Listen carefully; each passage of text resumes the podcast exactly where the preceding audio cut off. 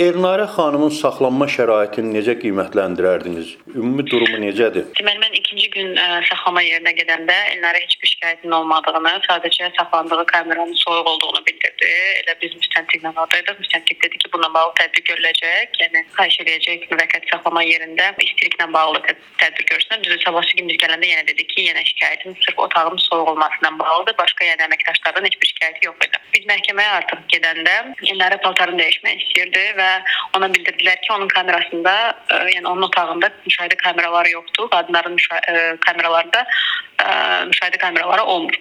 Amma ə, daha sonra monitordan ə, təsadüfən gördük ki, ə, həmin otaqlarda müşahidə olunur və artıq otaqda yox, ə, tualetdə paltarını dəyişmək məcburiyyətində qaldı Elnarə. Biz bununla bağlı ombudsmana şikayətimizi bildirmişik. İkinci bir məsələ isə saxlama otaqları ilə bağlı deyil, Elnarənin ə, məhkəməyə qandalla gətirilməsi ilə bağlıdır. Qollar arxadan bağlanmışdı. Biz bununla bağlı ombudsmana şikayətimizi bildirmişik. Çünki yalnız tabe olmama halında qandallar vurula bilər, amma belə bir hal müşahidə edilməmişdi. Yəni əsassız olaraq onun qolları qandallı gətirilmişdi məhkəməyə. Düzdür, biz iclas zalına girən kimi hakim onu açdırdı və bildirdi ki, Kambodiya dəhlizində o deməli polis əməkdaşları idi bunu edən.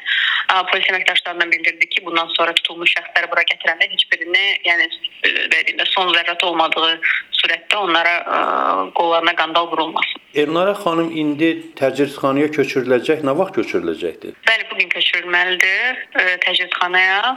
Özünlə görüşübsünüz, səhhəti necədir, ümumi vəziyyəti necədir, ittihama münasibəti necədir? Özü ilə dünən elə məhkəmədə görüşmüşdük. Ümumi vəziyyəti, səhhəti yaxşıdır. İttihamı əlbəttə ki, qəbul eləmir, özünü təqsirsiz bilir. Başqa hansı hüquqi tədbirlər müdafiə ilə bağlı görmək istəyirsiniz bundan sonra? Hal-hazırda apellyasiya şikayətini tərtib edirik. Bu gün biz ə, Xətai rayon məhkəməsinin ə, həbs qəti imkan tədbiri ilə bağlı qərarından apellyasiya şikayəti verəcəyik.